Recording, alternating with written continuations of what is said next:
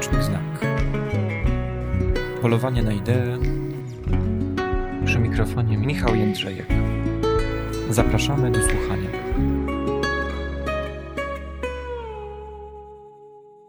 Dzisiaj odcinek o Hannie Arendt, myślicielce politycznej, jednej z najważniejszych intelektualistek XX wieku, autorce m.in. Korzeni totalitaryzmu, kondycji ludzkiej i Eichmana w Jerozolimie.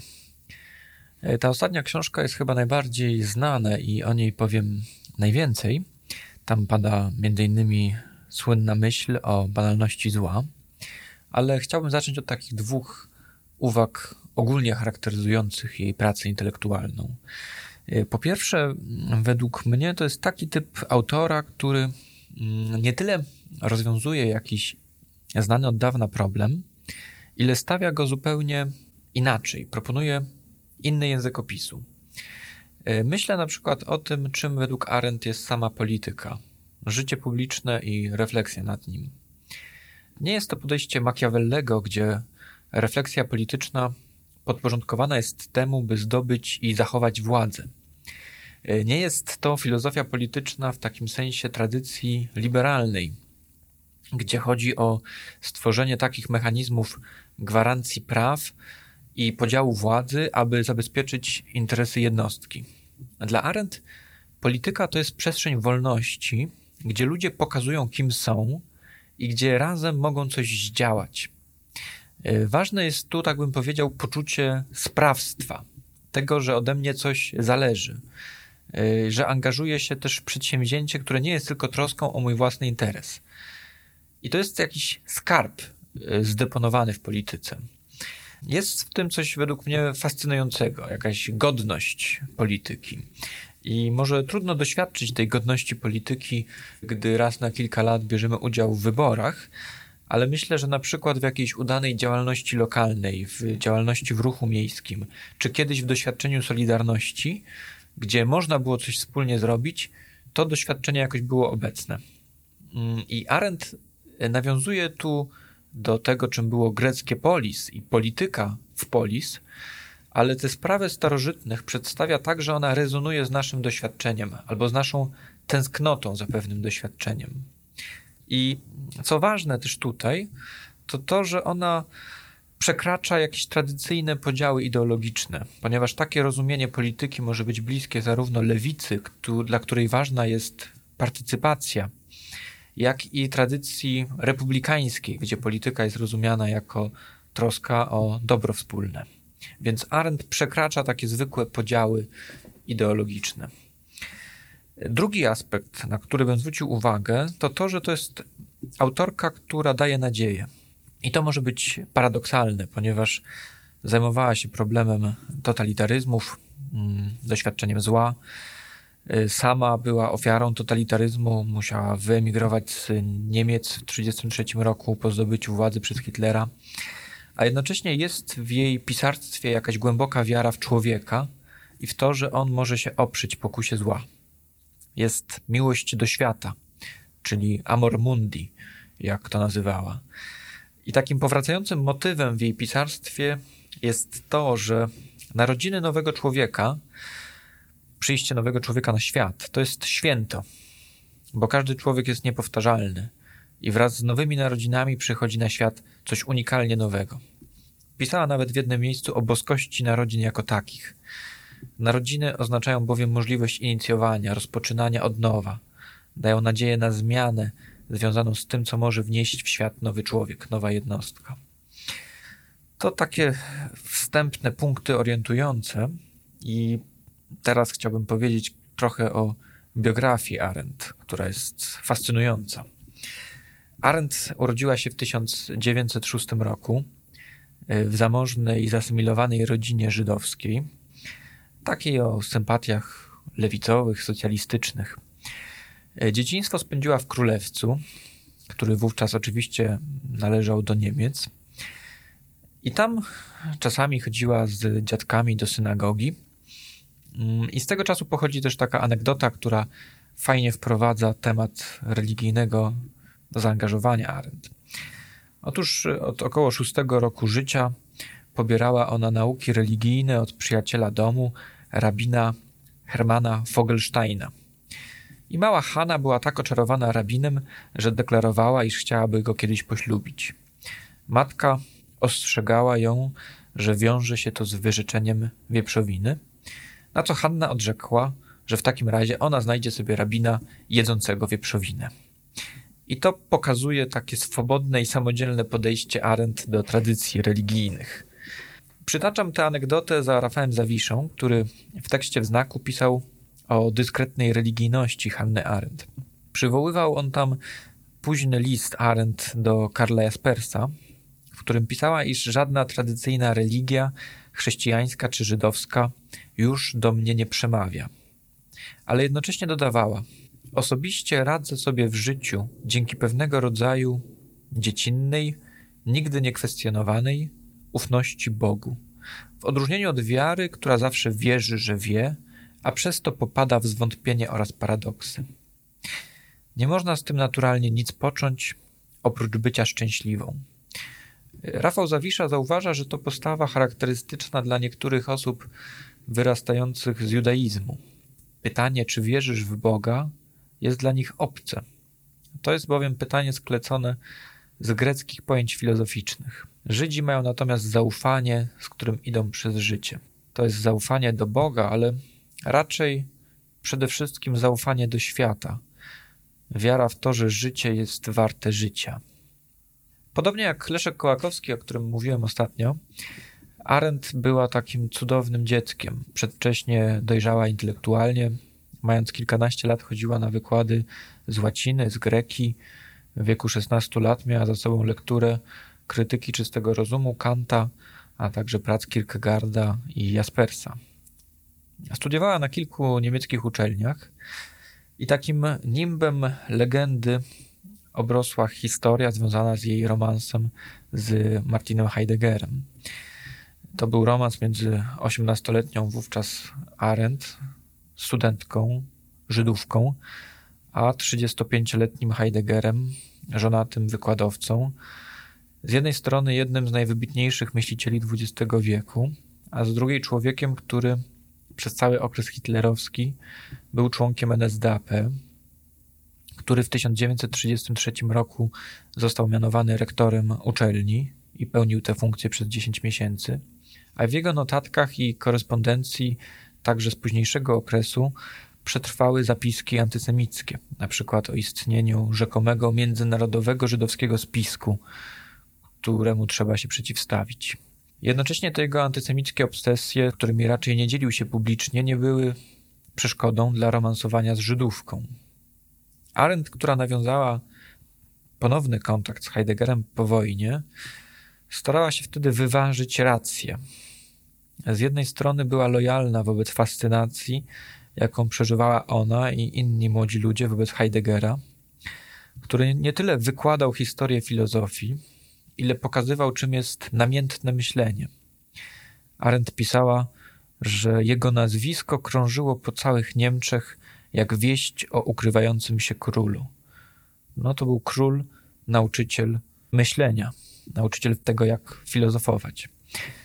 Z drugiej strony krytykowała błąd heideggerowskiego zaangażowania w narodowy socjalizm, choć robiła to z dzisiejszej perspektywy zbyt łagodnie. Porównywała Heideggera do Platona, który poparł tyrana z Syrakus. Widziała w tym naiwność myśliciela, który niepotrzebnie wplątał się w sprawy ludzkie i przeceniała, przeceniała chyba deklarowany przez niego późniejszy dystans wobec narodowego socjalizmu. Na jej usprawiedliwienie trzeba powiedzieć, że nie mogła znać wówczas tych prywatnych antysemickich zapisków Heideggera, które dopiero niedawno ujrzały światło dzienne. Arendt zrobiła doktorat poświęcony świętemu Augustynowi u Karla Jaspersa i to też pokazuje, w jakim kręgu się obracała.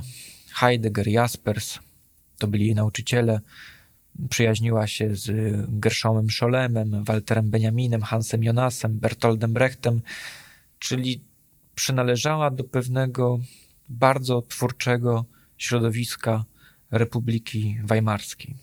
W 1933 roku, po krótkim aresztowaniu z powodu zbierania materiałów o antysemityzmie w Niemczech, wyemigrowała z Niemiec, mieszkała we Francji. Y, pracowała tam w różnych organizacjach syjonistycznych, które niosły pomoc y, Żydom w Europie, pomagały też w osiedlaniu się w Izraelu. W tym czasie związała się z poetą i filozofem, komunistą Heinrichem Blücherem, który został jej mężem.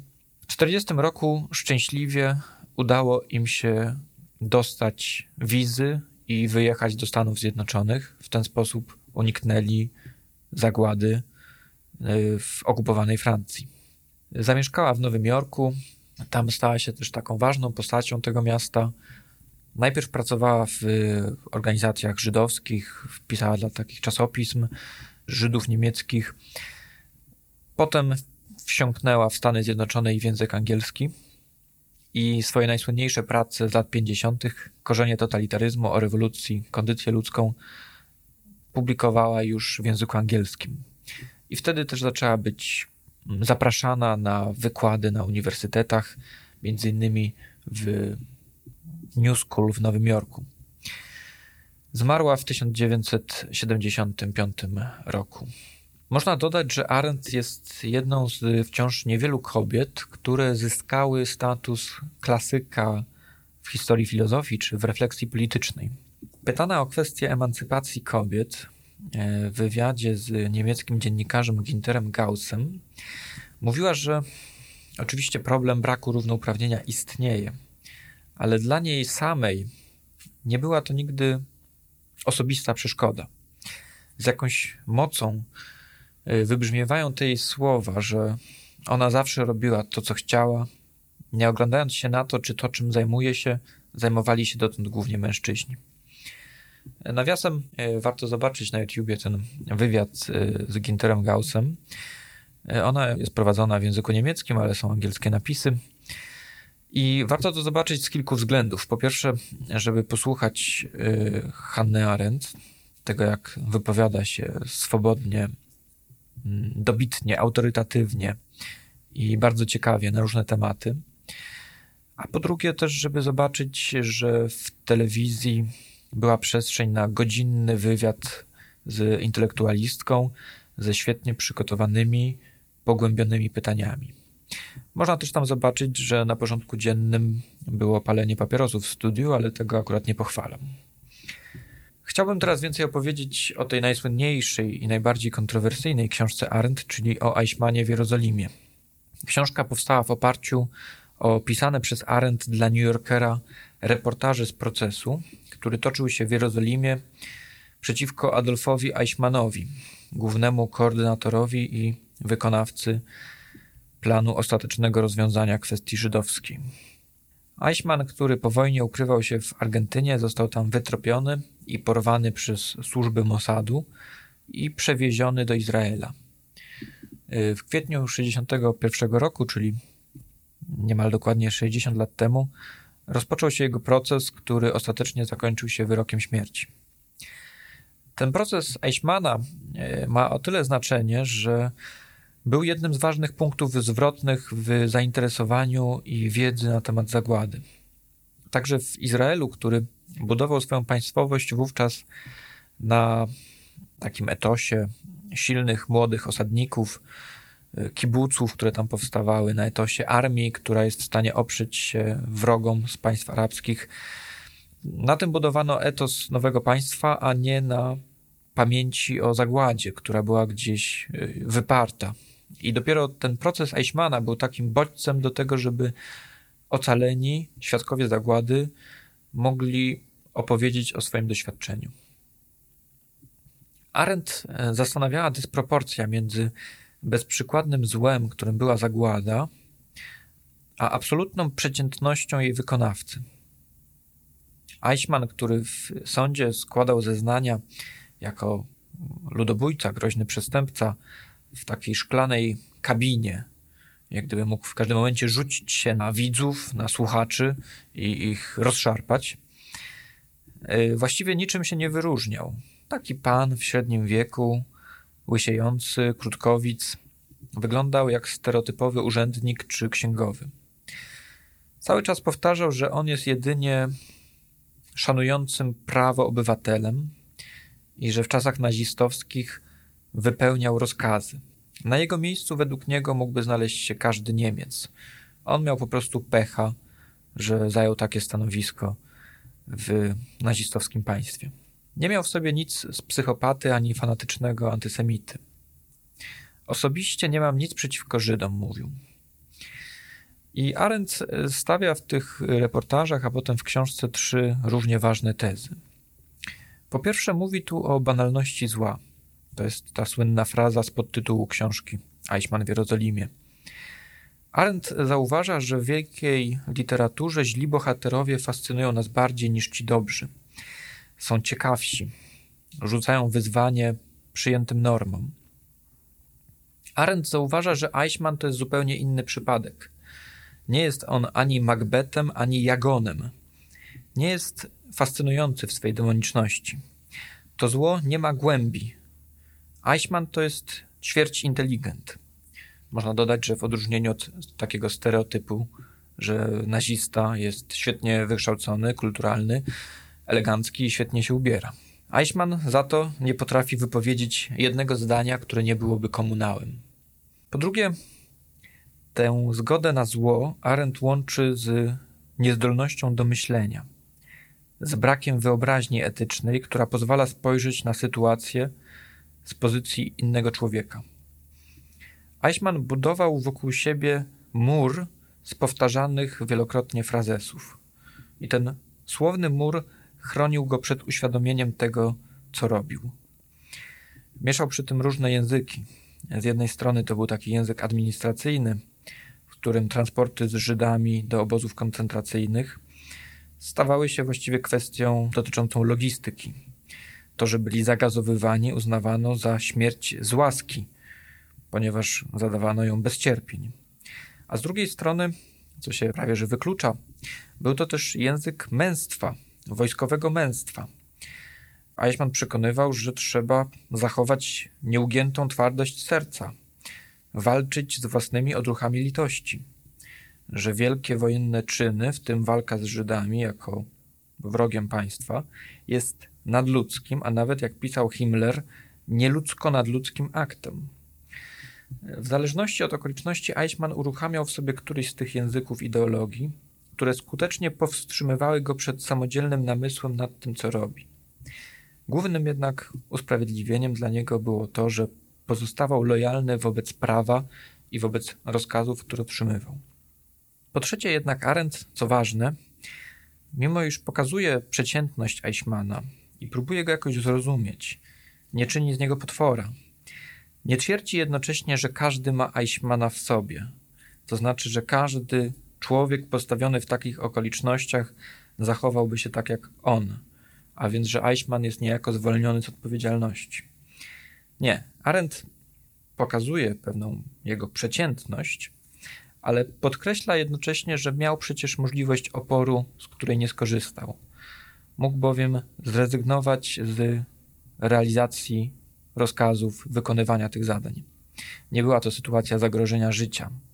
Nie było w końcu informacji o rozstrzeliwaniu SS-manów za odmowę uczestnictwa w egzekucji albo prośbę o przeniesienie do innego oddziału.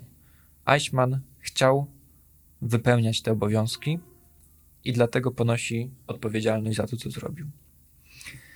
I o ile Arendt pokazuje, że jest w nas potencjał do zła, to jednocześnie też pokazuje, że możemy i powinniśmy mu się przeciwstawić. Książka Arendt e, wzbudziła kontrowersje. Po pierwsze, mm, kontrowersje budziło samo określenie banalność zła, które według niektórych sugerowało jakiś rodzaj pomniejszenia zła, które miało miejsce. Po drugie, niektórych szokował kategoryczny ton, w którym Arendt pisała o innych sprawach, na przykład o Judenratach, czyli władzach samorządu żydowskiego, które w tych dramatycznych okolicznościach na przykład zgadzały się na przekazywanie kolejnych grup Żydów Niemcom. Tak działo się choćby w gettach na początku procesu realizowania tego ostatecznego rozwiązania kwestii żydowskiej. I Arendt y, stwierdzała, pewnie bez potrzebnej tutaj delikatności i ostrożności, że proces eksterminacji Żydów nie byłby tak skuteczny, gdyby nie współpraca z Niemcami żydowskich przywódców gett. Po trzecie, niektórzy badacze przekonują, że Eichmannowi udało się oszukać Arendt i innych osób, które słuchały jego sposobów bronienia się, to znaczy uwierzyły jego własnemu przedstawieniu siebie jako skromnego urzędnika, który tylko wykonywał rozkazy. Późniejsze badania historyczne, które opisywały Eichmana, jego zachowanie z czasów wojny, a także z późniejszego pobytu w Ameryce Południowej, pokazywały człowieka, który rzeczywisty, biurokratyczny charakter łączy z byciem, jak sam mówił w rozmowach z dawnymi towarzyszami z czasów wojny, fanatycznym bojownikiem za wolność swojej krwi i rasy. Więc to przedstawianie siebie jako pewnego trybika w machinie mogło być też tylko strategią obronną Eichmana. Trudno mówić dzisiaj o Eichmanie tylko jako o zabójcy z zabiórka, który podpisywał jakieś papiery. Był to też zabójca z ideologicznego przekonania. Wydaje mi się, że w pewien sposób, niezależnie od samej historycznej osoby Eichmana, Arendt uchwyciła tu bardzo ważne zjawisko. I chciałbym to na koniec podkreślić.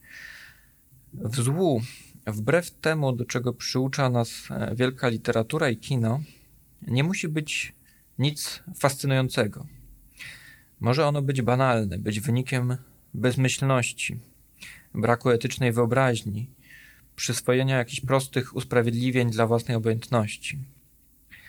Abstrahując od tego szczególnego kontekstu wojny, myślę, że jest to jakoś bliskie naszemu doświadczeniu zła, które polega często właśnie na uznaniu, że jesteśmy tylko nieznaczącym trybikiem pewnej większej maszyny, albo że nic od nas nie zależy, bo cała odpowiedzialność leży na politykach czy na innych możnych tego świata. Albo na sytuacji, gdy jakiś impuls do etycznego działania pojawia się w nas tylko na chwilę wobec przykrych wieści ze świata, ale potem szybko o nim zapominamy. Arendt z jednej strony to diagnozuje, a z drugiej żywi mądrą nadzieję, że jest w człowieku, w jego zdolności do refleksji i w jego wyobraźni etycznej siła, by się temu banalnemu złu przeciwstawić. Więcej o Hannie Arendt można znaleźć w archiwalnych numerach miesięcznika Znak. Zachęcam do lektury i dziękuję bardzo.